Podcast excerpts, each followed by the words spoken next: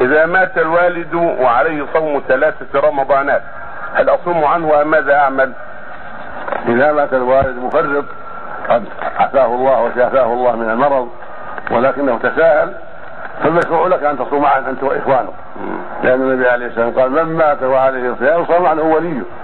وسأله جماعة كل واحد يسأله يقول يا رسول الله إن أبي مات وعليه كذا فأصوم عنه. والآخر يقول إن أمي مات وعليها كذا أصوم عنها. والآخر يقول إن أختي مات وعليها كذا عنها فيقول النبي أرأيت لو كان على أبيك دين؟ أرأيت لو كان على لو كان على أمك دين؟ أكنت قاضية؟ اقضوا الله والله حق الوفاء عليك أن تقضي ذلك أنت وإخوتك مشروع لكما يعني سنة لكما. فإن لم تقضوا عنه أطعمتم عنه من ماله. كل عن كل يوم نصف إطعام مسكين. هذا إذا لم تقضوا عنه صياما. والسنة الصيام عن والدكم. هذا إذا كان شفي من المرض وتساهل. أما إذا كان مات في مرض ما شفي. المريض واستمر مع المرض حتى مات هذا لا. لا قضاء ولا إطعام. لا قضاء عليه ولا يطعم سقط عنه. سقط لأنه معذور. طيب بالنسبة للصلاة إذا كان لا لا, لا تقص لا تقص